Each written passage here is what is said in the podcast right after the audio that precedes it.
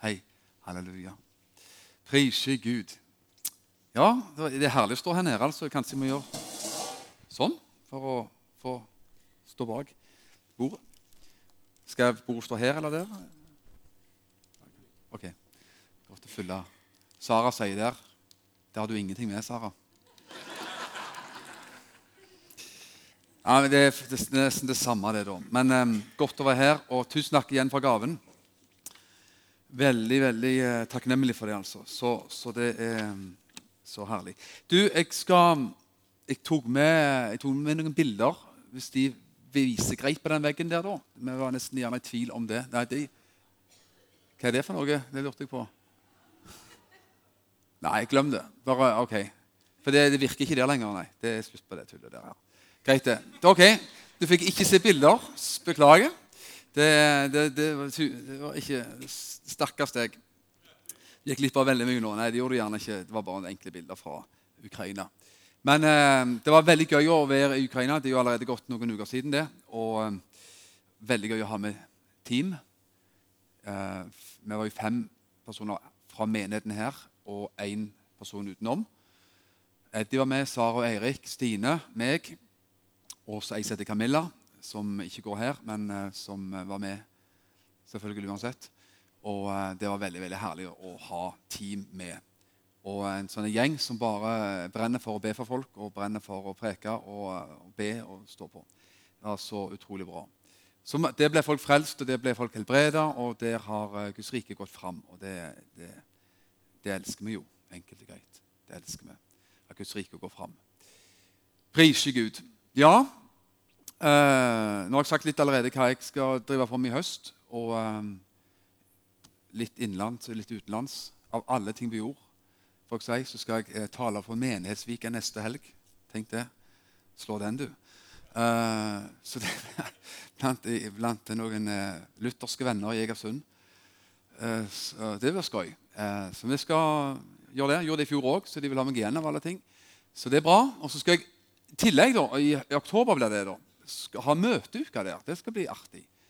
Eh, ha møteuke i Norge og i et luthersk forsamlingshus i Egersund. Det blir eh, skøy. Og eh, det blir eh, skøy å gjøre alt fra å preke i India til å preke i Egersund. Der har du hele spekteret. Altså. Afrika er én ytterlighet, Egersund en helt annen ytterlighet. Så det er godt vi får kjørt oss på det. Vi skal slå opp i åpenbaringsboka hvis du vil bli med der. Jeg elsker jeg å si, noen deler av åpenbaringsboka. Jeg skal innrømme at det er noen andre deler av åpenbaringen jeg har det virkelig uh, gått noen år siden sist jeg leste. Men jeg elsker å lese disse sendebrevene, som det heter. Uh, med Jesu budskap til disse syv menighetene. Det syns jeg er fantastisk. Bare de, de, de greiene der sånn, altså Det er så tydelig og så klart og så rett på sak og, og, har så mye i seg. og Jeg eh, skal ikke ta de syv, eh, alle de syv i dag. Jeg skal bare ta, egentlig ende opp med én setning. Men eh, for sammenhengens del så har jeg lyst til å ta, fra, ta, ta budskapet da, til Philadelphia. Åpenbaringsboka kapittel 3 fra vers 7. Åpenbaringen 3, 7. Og skriv til engelen for menigheten i Philadelphia. Dette, og det her er jo Jesu direkte tale inn til menighetene og eh, til forskjellige menigheter. da, Philadelphia i dette tilfellet. Dette sier den hellige, den sannferdige, han som har Davids nøkkel, han som åpner og som ingen lukker igjen, og lukker og ingen åpner opp. Jeg vet om gjerningene dine. Se, jeg har satt foran deg en åpnet dør, og ingen kan lukke den igjen. For du har liten styrke, og du har holdt fast på mitt ord, og du har ikke fornektet mitt navn. Mye interessant der òg, eh, men det er ikke det vi skal fram til. Men det, det får bare være sånn uh, sterke ord, bare det. Eh, at Jesus gir dem kompliment til at de har holdt fast på hans ord. Selv om de hadde liten styrke, så har de holdt fast på hans ord og ikke fornekta hans navn. Se, jeg vil ha noen fra Satans synagoge, de som sier at de er jøder og ikke er det, men lyver. Se, jeg skal la dem, få dem til å komme og tilbe for føttene dine og de skal kjenne at jeg har elsket deg. Fordi du har tatt vare på mitt ord om utholdenhet, vil jeg også holde deg borte fra den prøvelsens time som skal komme over hele verden, for å prøve dem som bor på jorden. Se, jeg kommer snart. hold fast på det du har, så ingen skal ta kronen din. Vers 11 så jeg har lyst at vi skal snakke litt om. Se, jeg kommer snart. Hold fast på det du har, så ingen skal ta kronen din. Synes det er et veldig sterkt ord, og jeg, tror, jeg, jeg, vet ikke om jeg har prekt over det før. faktisk. Jeg prekte om det på Åmli sist eh, søndag, men, men, ellers så vet jeg ikke om jeg akkurat har, har, har gjort det. Men det har, på meg at det, verste, det verste det har ligget på meg i, uh, i sommer. enkelt og greit. Og, og, jeg har fundert på det og tenkt på det og grubla på det og, og, og smatta på det og spist på det og, og drøvtygga på det og alt det der. Og, og eh, jeg har lyst til å dele litt om det. Kronen. Pass på. Hold fast på det du har, for at ingen skal ta din krone. Du vet, Det med krone er jo noe fantastisk. Eh, vi bruker ordet krone i mange forskjellige sammenheng. Men se for deg f.eks. et fantastisk bilde. Ei jente på fem år, for eksempel, en jentunge på fem år, som har bursdag, og som er kledd i rosa kjole for anledningen, og som har fått sånn bursdagskrone på hodet da er livet topp for den ungen der. Altså. Da, er, da, er, dagen redda. Da er dagen veldig god, og da er livet fint å leve, og alt, alt skinner. Ikke sant? Og det er et nydelig syn. Krona. Gud har gitt deg og meg en krone. Det er ikke bare at, det, at man, en gutt eller jente går med en sånn bursdagskrone i barnehagen når de har bursdag, eller andre ting. Men Gud har gitt deg og meg en krone på oss, i åndelig forstand, naturligvis. Og sier, Gud sier det at pass på og hold fast på det du har, sånn at ingen tar din krone. Bibelen, Hva er krona for noe? Jo, det står for verdighet. Eh, hvis du, hvis du, hører uttrykket 'kronen på verket', så skjønner du omtrent hva det betyr. Det er liksom toppen av det hele. Liksom. Det er det ypperste, det er det beste. Det, liksom, ja, det er liksom, da, er det, da, er det, maksimalt. Da er det kronen på verket. Og, og sånn er det. Eh, vi har blitt gitt en krone av Gud. En krone av verdighet. En krone av rettferdighet, en krone av frelse. Den krona kan bety egentlig så mye. Eh, I Bibelen så er det sånn at begrepet gull vet du, står mye om gull, spesielt i Gamletestamentet, litt i Nytestamentet òg. Så er gull det er et bilde på det guddommelige. Det guddommelige Tempelet i Jerusalem var meget bekledd med gull. For det, det sto for det guddommelige. I en av brevene her også, som ikke leste, så sier Jesus til menigheten se, altså, Jeg foreslår, sa Jesus, at dere kommer til meg og kjøper gull som er lutra i ild. Kom og få tak i de verdiene. Den kraften, det livet, det som jeg har for deg. Det er det han sier. Men nå leser vi det at vi har fått en krone, og vi skal passe på at vi ikke mister den krona. For det går faktisk an å gjøre det. Skal du høre her, Vi har blitt krona av Gud. Og Du skal få et par vers i Bibelen på det. Salme 103 sier Min sjel lov Herren, og glem ikke alle hans velgjerninger. Han som tilgir alle dine misgjerninger, og som leger alle dine sykdommer, som forløser ditt liv fra fordervelsen, som kroner deg med miskunn og inderlig barmhjertighet, som metter din sjel med det gode, så du blir ung igjen som ørnen. Hvilke vers fra Bibelen? hvilke lovprisningsvers fra kong David som sier til sin egen sjel, lov Herren, glem ikke alt det gode Gud har gjort. Glem ikke hans velgjerninger. Tenk at Vi kan stå opp hver eneste dag og bare huske på og begynne å regne på alle Guds gode gjerninger på våre liv. Herlig var det å høre fra disse herlige vitnesbyrdene fra Ann ja, Ann et eller annet. Ann Kristin, ja. Eh, og, og, og, andre uh, fine vitnesbyrd og sånt. Og høre om hva Gud gjør. Gud kroner ditt og mitt liv med godhet med barmhjertighet, med miskunnhet. Han kroner ditt og mitt liv.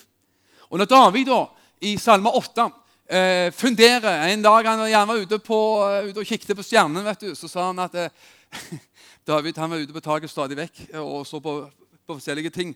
Denne gangen så han heldigvis oppover og sa Når jeg ser din himmel, sa han, Salme 8, og ser stjernene som du har satt der, og ser hen, dine henders verk så fryda han seg og tenkte, og så spurte han et viktig spørsmål.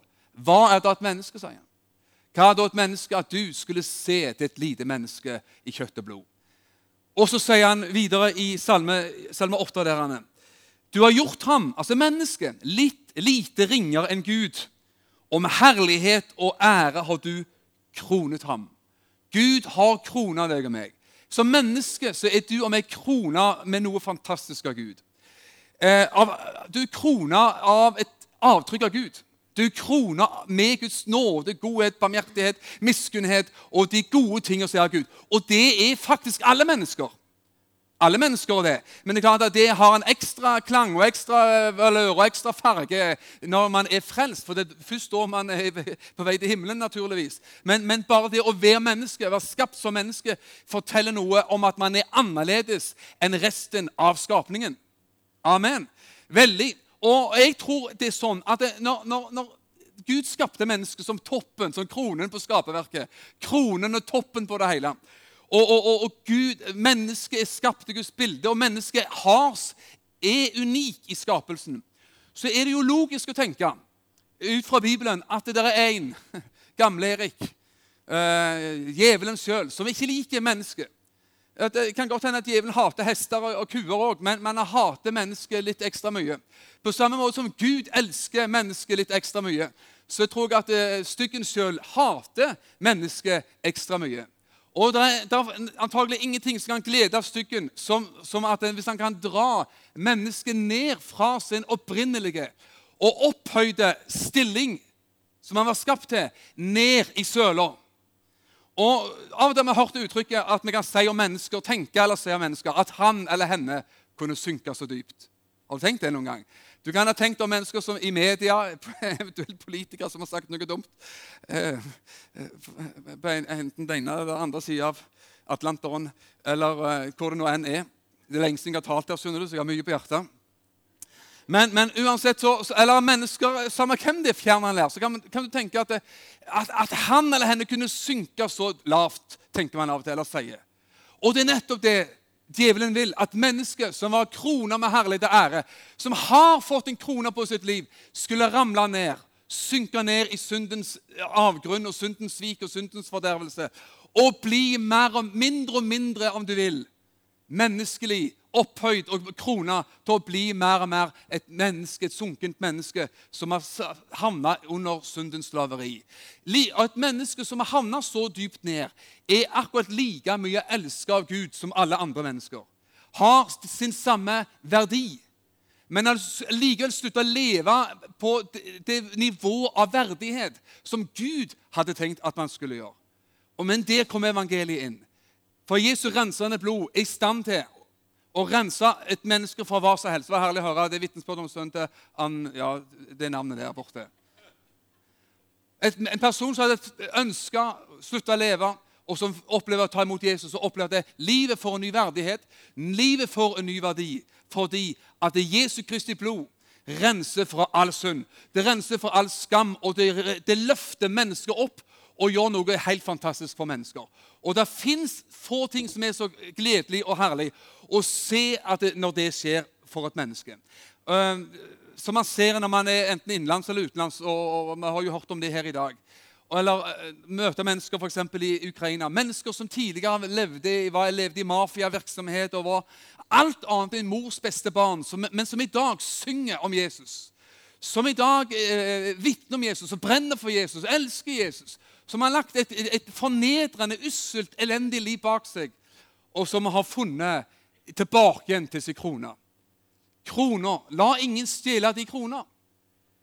Uansett om du har sunket ned i synd, i frafall, bort fra Gud, du ikke kjenner Jesus, eller om du regner deg som en kristen, og ikke bare regner deg som en kristen, men selvfølgelig en kristen, så har jeg lyst til å si her i dag se til at ingen tar din krone. Se til at ingen får ta og rive det som Gud har lagt på ditt liv og gitt deg som en verdi, som noe høyt, som noe verdifullt i ditt liv. Se til at det ikke noen mennesker eller djevelen sjøl får lov til å ta det fra ditt liv.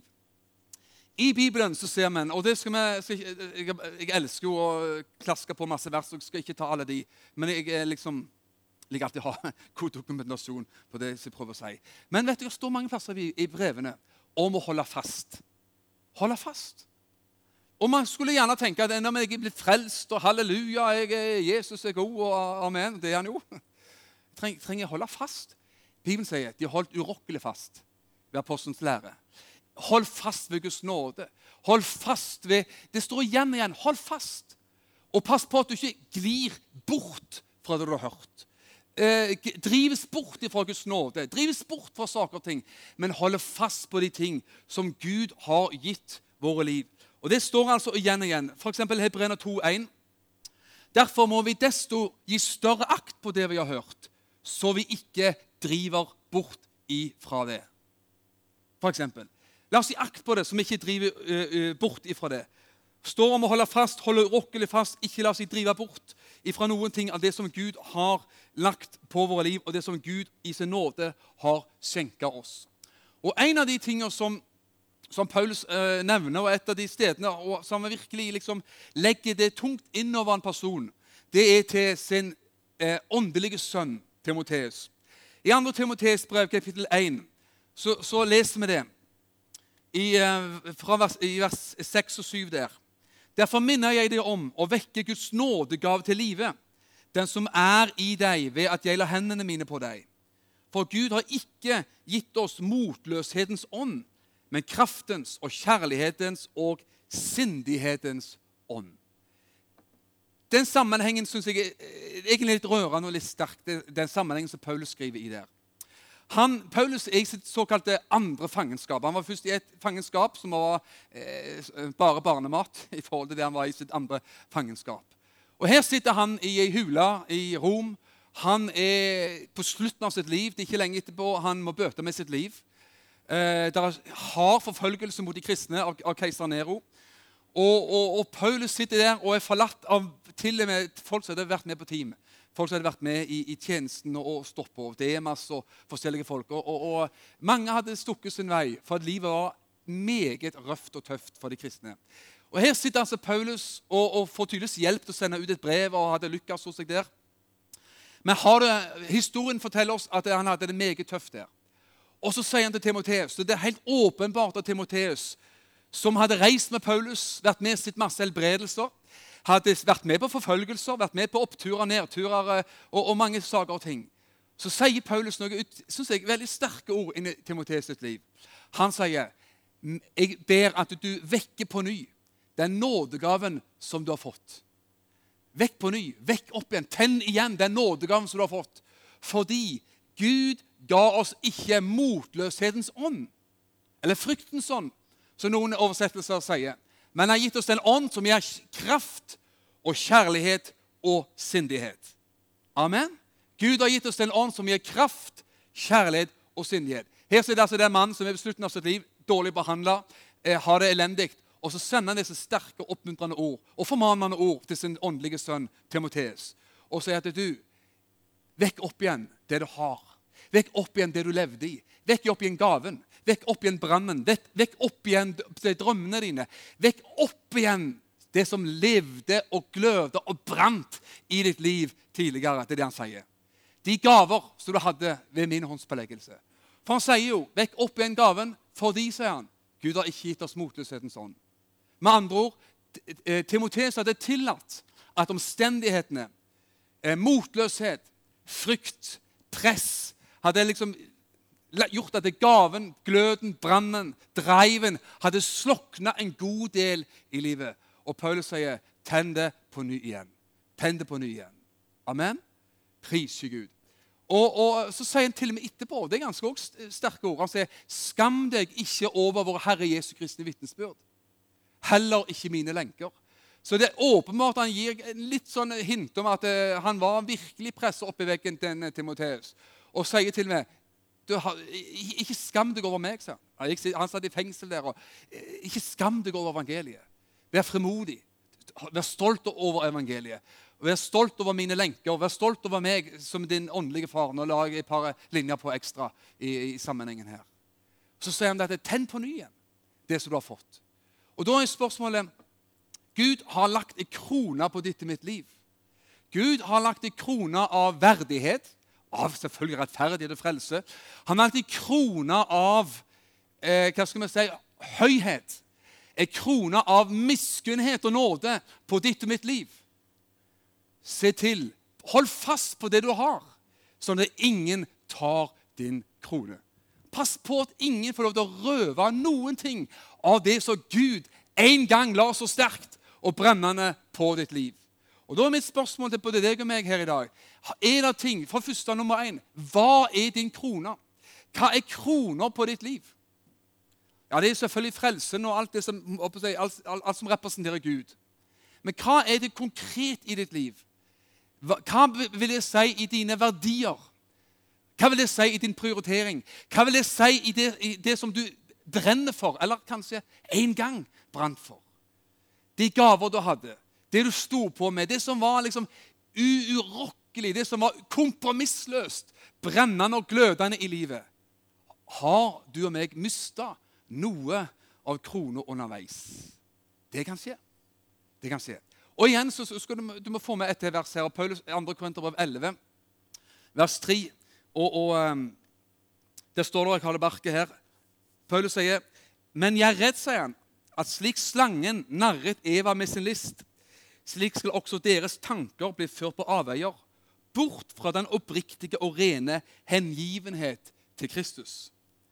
er sterke ord til korinterne. Korinterne de levde også i Det var jo begrep i den tida å korintisere og leve på korintisk vis. og Det var et vilt liv eh, i, i avgudsdyrkelse og i seksuell umoral osv. Så, videre. så Så i Korint så gikk det vilt for seg. Og, og de, de, de, bølgene de slo innover menigheten, faktisk. Mange sier det at det, den, den åndsmakt som finnes på et sted Det finnes forskjellige typer åndsmakter rundt omkring i verden. Du kan gå inn på visse steder, og det dunster mot deg en atmosfære av et eller annet. Det kan være hat, det kan være urenhet, det kan være, det kan være ok, mørke okkultisme. Jeg var i India jeg var i India for første gangen i 1996. og han, Pastor Moses han tok oss med til et sted der det var masse templer og avgudsdyrkelse. Det var et ufyselig krekslig sted med en forferdelig atmosfære. For eksempel. sånn. det er forskjellige atmosfærer. Og så er det mange som sier at det, der det fins en menighet som er annerledes, så vil også atmosfæren på det stedet prøve å banke på kirkedøra. Eh, problemene og, og, alt det som rører seg rundt omkring, vil prøve å sive inn i menigheten. Men Gud vil jo selvfølgelig ikke det, og det er jo fullt mulig å holde det ut forbi med Guds nåde og Guds hjelp og Guds kraft. Ikke sant? Men vet du hva?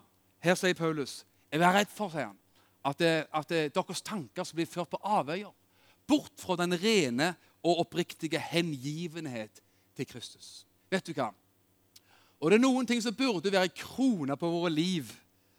Og jeg har lyst til, du vet, det er Kanskje min krone på noen ting ser annerledes ut enn de kroner. Uten å gjøre det avansert. Altså Kanskje min prioritering, mine verdier, det som betyr skyhøyt mye for meg, kan være litt annerledes i forhold til hva som liksom henger skyhøyt for deg. På visse ting. Jeg håper at mange ting er likt, selvfølgelig. Sånn? Men hvis jeg skal si for min del noen ting som, som har bare blitt bedre, mer og mer viktig for meg gjennom årenes løp, så er det egentlig det jeg leser her. Denne enkle, rene hengivenheten til Jesus. Eh, for jeg føler personlig at det, det, er så mye som bare ligger i det begrepet der. Den enkle, rene hengivenheten til Jesus. Og, og eh, jeg skal si, jeg har nevnt alt jeg har prekt om nå, og kommer til å preke om i årene framover. Det har jeg nok sagt før. Men jeg skal, jeg skal si det at uh, syv, Det er syv år siden, for det var våren 2009, og det har jo sannelig blitt noen år siden. Så, så opplevde jeg den våren der så opplevde jeg personlig en åndelig fornyelse på, på, mitt liv. Som jeg er Herren evig takknemlig for den dag i dag. Uh, og, og, jeg kan si det sånn at jeg, Kanskje før den tid så hadde jeg mista litt av min krone på visse ting. Ting som jeg, i, i mine yngre dager var viktig for meg sto skyhøyt. Og det, og det, hadde med denne enkle hengivenheten til Jesus. Denne litt barnslige, enkle, om du vil, banale, eh, naive troen på Jesus. Um, hengivenheten til Jesus. Det å, å, tro på at man trenger han i, mye i bønn og, og, sånne ting. Og så vokste jeg ut av det fra la jeg var i 20-åra en gang, midten av 20-åra, til at man ble mer og mer en periode eh, kanskje gåseøyne profesjonell rutinert som, som forkynner. og Jobbet jo i mange år i Karismakirke i Stavanger. Jobbet tre år i Sarensdal. Og så kom jeg jo her da i 2005. Og, og, og så oppdaget jeg i den fornyelsen som jeg da opplevde i 2009, at noen ting hadde ramla av langs veien. Jeg var ikke frafallen. Jeg håper du at du, du som hørte meg preke før 2009, fikk et bra gudsord en gang iblant. Og så men jeg følte, men likevel, så i den fornyelsen som jeg opplevde da, så opplevde jeg at, eh, at, at, at denne enkle hengivenheten og et annet ord som betyr så mye for meg avhengigheten av Gud eh, kom tilbake igjen på en veldig enkel og sterk måte. Og, og eh, I fare for å repetere meg sjøl, så gjør jeg det likevel. Eh, meg og NRK vi kjører reprise. Eh, så, så, eh, og penger får vi likevel. Prise Gud. Amen. Det var en parentes som du skulle le av. Men, men, vet du hva? Eh, så, så opplever jeg at jeg, jeg hadde mista noe underveis som kom så sterkt og dyrebart tilbake i livet. Denne enkle hengivningen til Jesus. Og Det var den våren der, faktisk den våren jeg for første gang selv hørte Håkon Fagervik preke. Vi inviterte jo til stor, møtehelg her i menigheten der oppe i den gamle kirka. Og menigheten hadde hatt han mange, mange ganger før. Men for meg var det en nytt opplegg og nytt bekjentskap med akkurat Håkon. Å høre han og møte han, være med han, snakke med han osv. Og, og opplevde når han underviste om bønn, f.eks., og, og bare hele hans hele Håkon var sånn at det, det var en av de faktorene som gjorde noe i mitt liv den gangen. Som gjorde at, jeg, at noe av det, om, om, du vil, rutinerte og profesjonelle og, og, og, hva skal vi si snusfornuftige og voksne fikk seg en skikkelig blåveis. Og tenkte hvorfor ikke bare være akkurat som Håkon? Blant annet. Ingen kan være som Håkon utenom Håkon sjøl, men du skjønner hva jeg mener. Og bare ha denne enkle avhengigheten av Jesus. Den enkle avhengigheten av Jesus. Det enkle bønnelivet. Denne enkle kjærligheten til Gud og til mennesker. Og Jeg har selv hørt Håkon av og til si når man snakket om forskjellige ting, og si, la oss holde det enkelt. sier han. La oss holde det enkelt. Det må ikke bli avansert. La oss bare holde det enkelt. Det er Herlig. Det er så befriende. Det og enkelte andre ting som den våren ble liksom noe som, jeg, som bare revolusjonerte egentlig mitt liv. Og, og, En annen ting som revolusjonerte mitt liv den gangen, det var at jeg var på en konferanse i Kristiansand, Salem Kristiansand med Randy Clark. Eh, og, og, det òg kjenner at det, det, det, det, ga en skikkelig eh, B-vitaminsprøyte inn i flesket. Halleluja. Og det var, det var, fantastisk å oppleve det. Amen. Og jeg tror, og når jeg ser tilbake både nå i dag og gjennom like av og til ser meg tilbake på ting, så ser jeg at det, han hadde mista noen ting. Noe av det enkle, noe av det banale, noe av det barnslige. Denne enkle avhengigheten, denne enkle eh, hengivenheten i Jesus hadde ramla litt gradvis av langs veien. Og så fantastisk å få komme tilbake til det. Og håper og tror at ved Guds nåde så må jeg aldri, aldri, aldri og atter aldri miste det der. For det er kraft i de tingene der. Amen. Mitt spørsmål er, og derfor er En av tingene som er virkelig min krone i livet, tror jeg kan si, det er at jeg håper at jeg alltid skal være avhengig av Gud. Avhengig av Gud. Avhengig av Gud. Um, og jeg føler, For meg så er, det, så er det så enkelt som det. Skal, skal høre et par historier her. Jeg husker jeg snakket, Det var på bibelskolen i Sarensdal med en, en, gjestelærer som kom der. En kjent pastor den gangen. Og Mange ville kjent det navnet antagelig. Som sa og, og, jeg kjente at den, der, den, den vekte meg litt, den òg, faktisk. Han sa den gangen at i vår, han, i vår sammenheng Så sa han navnet på sin sammenheng. da. Skal ikke si det. Men i vår sammenheng sa han, så, så, er vi ikke så, så vi ikke så opptatt av bønn. sa han. Vi er ikke så opptatt av bønn, men vi er opptatt av å, å grunne på hvem vi er i Kristus. sa han. Eh, omtrent det, altså. Jeg er ikke så opptatt av bønn, men ofte at jeg grunner på, mediterer på, funderer på hvem vi er i Kristus. Og da tenkte jeg ja vel, så ja vel, good for you. Men da tenker jeg la oss ha begge deler.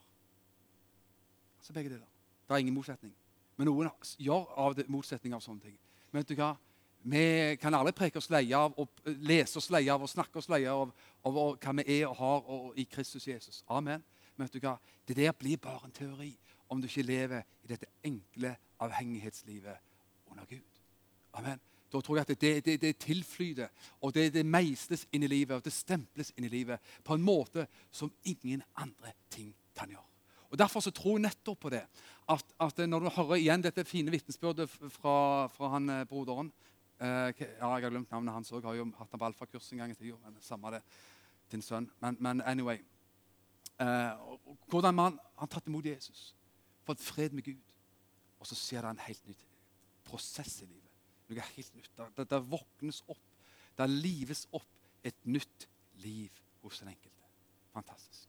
Jo, grunn på det du er og har i Kristus. Men vet du hva?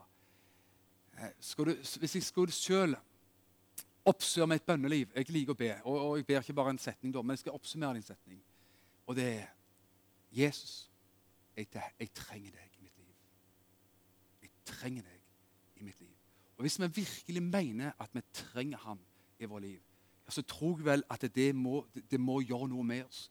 Det må forme oss. Det må, det, det må, gjøre noe med hvordan vi tenker, hvordan vi lever, hvordan vi prioriterer osv. Fordi at vi kjenner at vi trenger ham. At vi kjenner at vi er små i oss sjøl. Paulus sa Tenk den tøffe Paulus, den velutdannede Paulus, den ressurssterke Paulus sa. Hvis jeg skal rose meg, andre kor 12, så sier han hvis jeg skal rose meg, sier han, skal rose meg av min svakhet. Fantastisk. Når Paulus kunne si sånt, så kan alle av oss stille oss i samme på seg koret og si hvis jeg skal rose meg av noen ting som helst, så er det at jeg er så svak. Så svak og så fattig og så på seg dum i hodet at jeg trenger Han hver eneste dag i mitt liv. Jeg trenger Han. Når Jesus, før han skulle gå til korset, så leser vi i Johannes 14, 15 og 16. Så er det i sammenhengen det at Jesus forteller om hva som skulle skje etter han hadde dratt til himmelen. Altså, Jeg drar opp, Den hellige ånd kommer ned. Det er budskapet til Jesus i, i kort versjon. Og, og forklare om dette her, og, og forberede disiplen på at nå går vi inn i en ny tid. Jeg stikker. Jeg, jeg, dere ser meg ikke fysisk lenger. Dere kommer ikke se mine brune øyne, mitt skjegg, min, min, min kjortel eller mine sandaler lenger. Men jeg drar opp, og så skal Den hellige ånd komme. Og midt i, mellom kapittel 14 og 16 så er det en herlig lignelse og et bilde og, og en tale av Jesus i Johannes 15. Det han sier 'Jeg er vintreet', sier Jeg er vintreet. Midt i det. Hvorfor gjør han det? For å forklare hvordan det nye livet leves. Amen. Og, så, og, og Alle skjønner jo det. det Vintre, druetrær hadde det overalt, og trær har vi nok av i Norge òg. Jeg er, jeg er vintre, sier han. Og, og jeg er tre, dere er greinene. Du er som en grein på Jesus. Du er som en grein på Jesus. Og så sier Jesus noe som de visste, selvfølgelig. For eh, Verken de eller oss er dumme. Men han sa det likevel. Han sa enhver grein som er på treet, som får tak i det livet som er i treet ikke hva som skjer. Det bærer frukt. Da kommer drueklaser på. I Norge ville det vært epler eller plommer. Men, sa Jesus, hvis, hvis, hvis greina hogges av, så er det ikke noe mer frukt. Og faktisk hvis greina heller ikke bærer frukt, det er ikke noe livsforbindelse mellom greina og, og, og, treet. Og det, du ser at det, det, bladene visner, det er ikke noe liv. Ja, vet du, og da vil gartner, enhver gartner, til og meg, ha funnet et par visne greiner hjemme på et tre i hagen som skal tas. For det ser ikke ut, Når, det, når alt det andre grønt, og det andre begynner å bli brunt, så er ikke det stil, stilfullt. Hva gjør man da? Man klipper det av og sier at det, det er dødt. Det tas vekk. Og så sier Jesus, 'Bli i meg', sa han. Bli i meg. Som ei grein er på et tre. Bli i meg, så skal dere være frukt. Så enkelt. Bli i meg. Bli i mitt liv. Bli det jeg har. Bli det jeg, eh, eh, alt det Jesus er å ha. Bare bli der. Lev der. Hold deg der. Og igjen har du dette begrepet 'bli i'. Bli værende i. Det er noe som pågår, noe som finnes. Det er noe som ikke bare er statisk, men det er noe du lever i alltid. Halleluja. Og så sier Jesus så enkelt bli meg, så skal du bære frukt. Hvordan kan vi bære frukt med våre liv? Ved å bli i ham. I det han er, i det han står for, i bønn, i ordet, i, i alt det som Jesus representerer. Så er vi i han, og så flyter livet på et fantastisk vis. Pass på at ingen får lov til å ta din krone. Skal vi høre et annet eksempel fra en predikant jeg hørte, han er død nå for noen år siden. Uh, Sjambak, husker evangelist Sjambak, han var i Norge, var i Sverige på Livets Ord. og Gammel, eh, skikkelig old-fashioned, pinsedirrende pinse, uh, dirrende evangelist. Hadde teltmøter i, i Amerika i mange, mange, i mange tiår, men han døde for tre-fire år siden. Så fortalte han fra vekkelsen han hadde på 50-tallet. Mennesker gikk ut av rullestolene. Mennesker ble helbredet i bøtter og spann. Og, og, han sto midt i en enorm strøm av Guds velsignelse.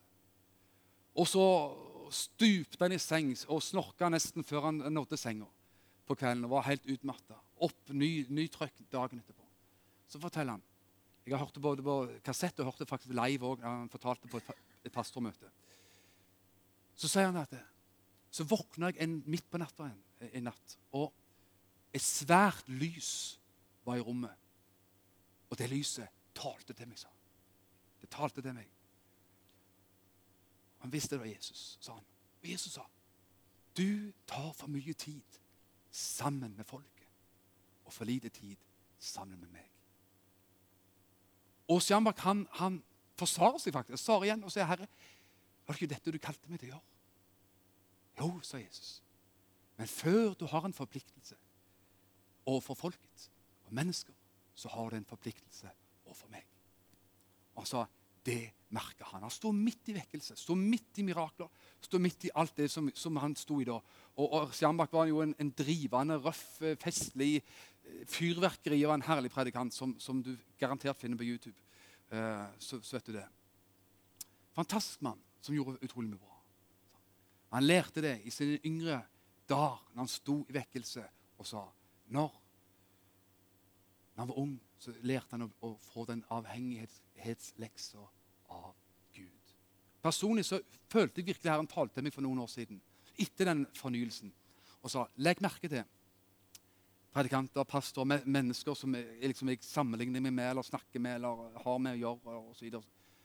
Legg merke til de som har dette enkle avhengighetslivet med Gud.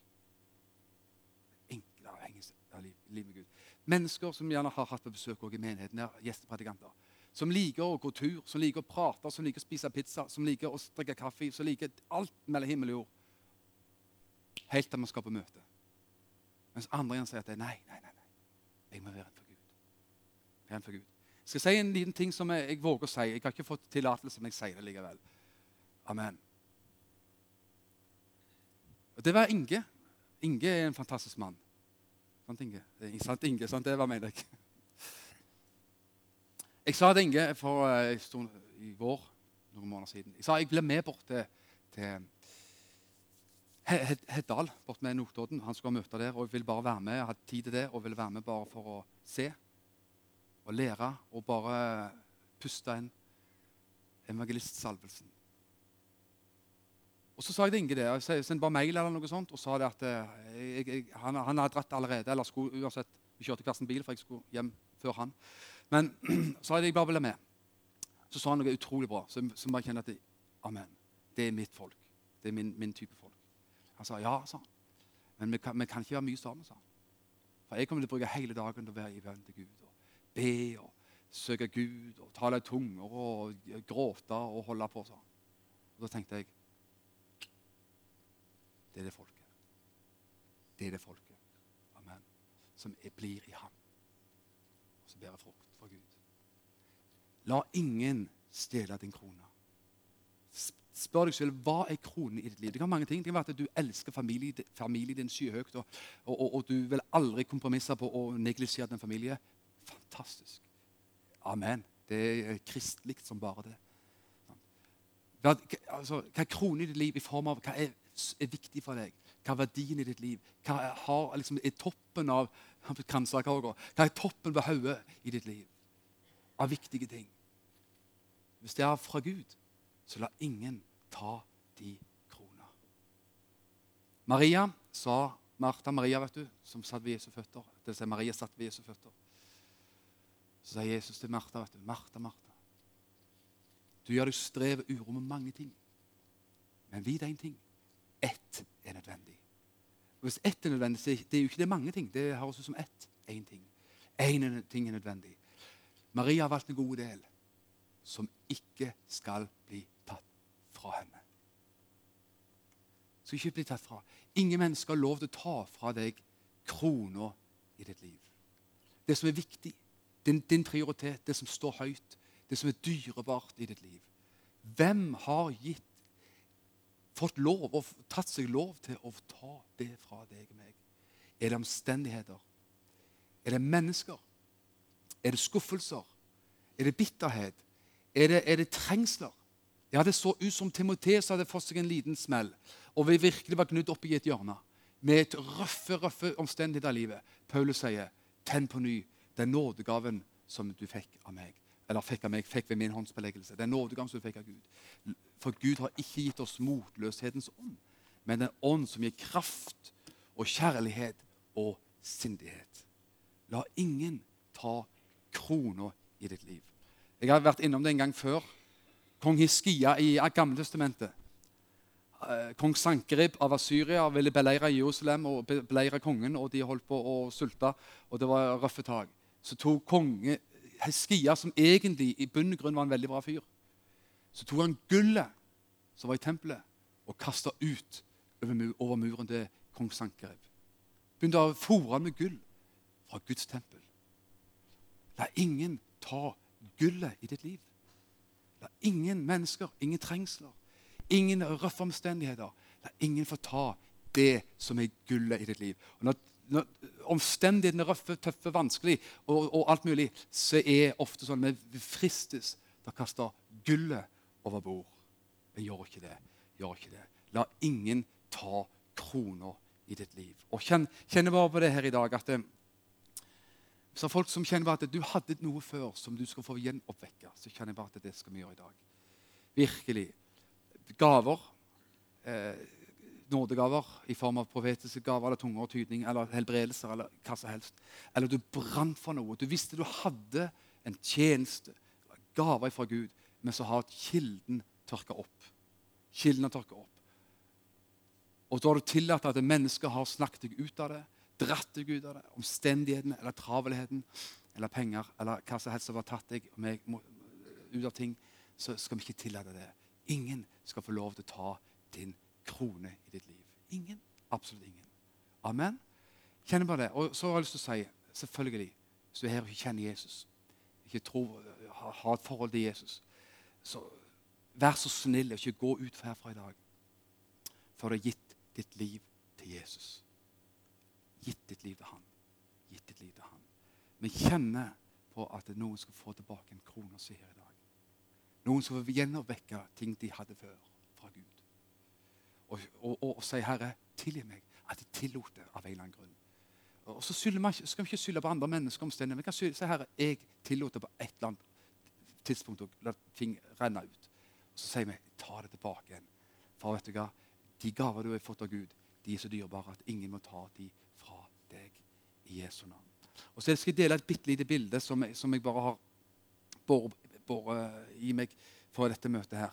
Og det, Jeg tror det er en person skjønner du, som, som sliter veldig med Jeg skal si hva jeg ser. Jeg, jeg syns jeg har sett skjønner du, at du sitter Du sitter halvt oppreist når du, når du, i senga di når du sover, prøver sove, du prøver å sove om kvelden. Og så sitter du helt, du ligger ikke helt flatt, du ligger ikke helt oppreist, men sånn halvveis. For du sliter med å få puste. Du, med, du får angrep av veldig tung og vanskelig pust. Som gjør at du blir redd, som gjør at du, du, du higer til pusten, du får dårlig nattesøvn, og du kjenner redsel og angst på det. Og kjenner at det, du får et eller annet som gjør at det er vrangt å puste, faktisk. Og det er det skal vi be over i dag. Og vi skal tro Gud for at det forsvinner fra ditt liv i Herren Jesu Kristi dyrebare. Amen. Skal vi få fram våre fantastiske lovsangere her? Og vi reiser oss opp alle sammen her. Og så har jeg lyst til å bare gi en sånn en eh, så, så går sikkert møte, Det er Ida som leder møtet, det er ikke meg for øvrig. Så, så det bestemmer hun. Men, men, eh, men, vi tar tid til å be og sånne ting, og så, så vet Ida når kafeen er åpen, og, og, og, hvordan ting skjer videre. da. Vi kjenner bare på det at vi skal be om at det skal komme en oppvekkelse av ting som du har mista i ditt liv. Så du skal kjenne at du kjenner, Det er nesten som Her ser vi Ole Georg med en gitar. vet du.